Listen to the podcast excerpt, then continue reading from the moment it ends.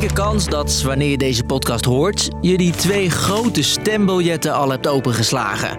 En twee keer een bolletje hebt rood gekleurd. Weet je, als stem gewoon, kies gewoon iets wat bij je past. Je stemformulier gaat in een afgesloten container. Maar wat gebeurt er daarna eigenlijk mee? Wij doen er alles aan in Nederland om uh, betrouwbare verkiezingen te hebben en een uitslag neer te zetten die je kan vertrouwen. Ik ben Jasper en deze podcast gaan we stemmen tellen. Lang verhaal kort. Een podcast van NOS op 3 en 3FM.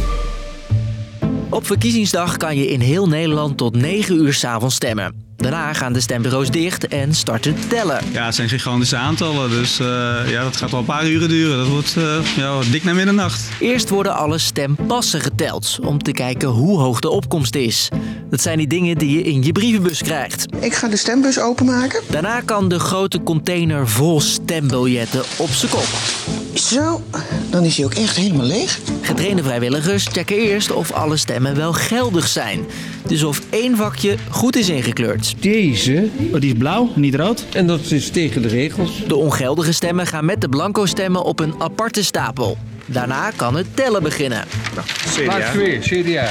Lijst 1 is 27. Dat mag met een rekenmachine of een computer, maar wel eentje zonder internet, om fraude te voorkomen.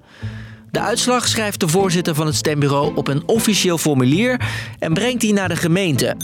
Daar tellen ze alle stemmen van de verschillende stembureaus bij elkaar op en belt iemand de uitslag door naar persbureau ANP. Niet voor later zie jij de uitslag op tv. 9 voor 10 is het. Malou, jij hebt de eerste uitslagen.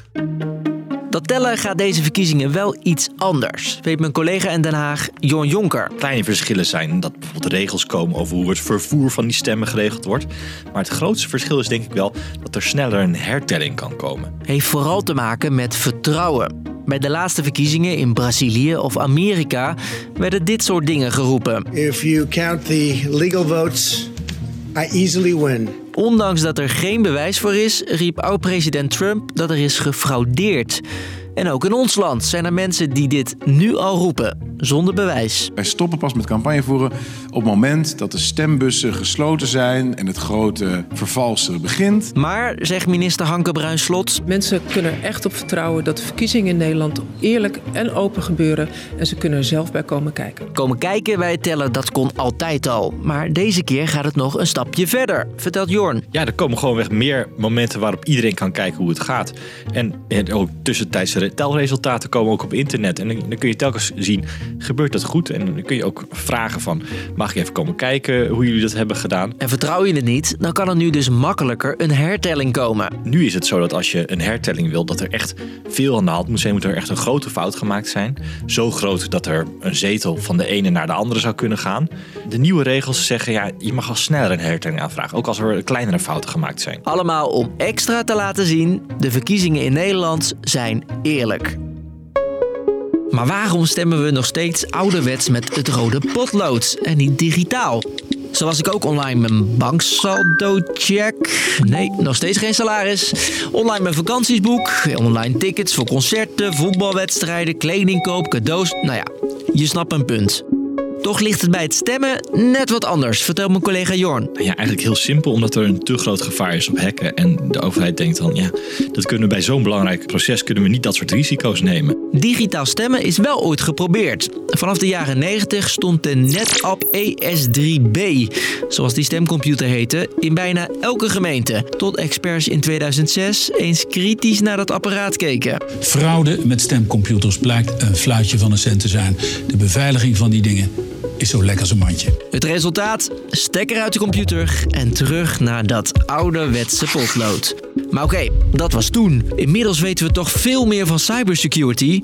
Je hoort Jorn weer. Uh, ja, die stemcomputers kunnen beter worden, maar de hackers kunnen ook beter worden. Dus die risico's, die willen ze niet ja, voor lief nemen. Toch kijken ze in Den Haag wel naar nieuwe manieren om het stemmen veiliger, transparanter en nou ja, ook een beetje moderner te maken. Dat is dat je stembiljetten op een andere manier gaat invullen. Die stembiljetten zou je dan elektronisch kunnen tellen. Nou, dan gaat het ook toch nog weer iets sneller. Maar dat lijkt het voorlopig wel te zijn. Concreet zijn die plannen nog niet. En dus blijft voorlopig het potlood voor de verkiezingen als taart op een verjaardag. Onmisbaar. Dus, lang verhaal kort. Zodra de stembureaus dichtgaan, is het tijd voor het tellen. En daar mag jij gewoon bij zijn. Deze verkiezingen zijn er extra stappen genomen om de boel nog transparanter te maken. En te laten zien dat de verkiezingen hier echt eerlijk verlopen. Daarom zit digitaal stemmen er voorlopig ook niet in. Volgens de politiek is de kans op fraude dan te groot. Was de podcast weer? Wil je nou je stem nog een keer laten horen? Mail ons dan lvk.nos.nl. En check ook even de link in de show notes. Daar vind je een tool waarmee je zelf aan de knoppen kan draaien van een provinciebestuur.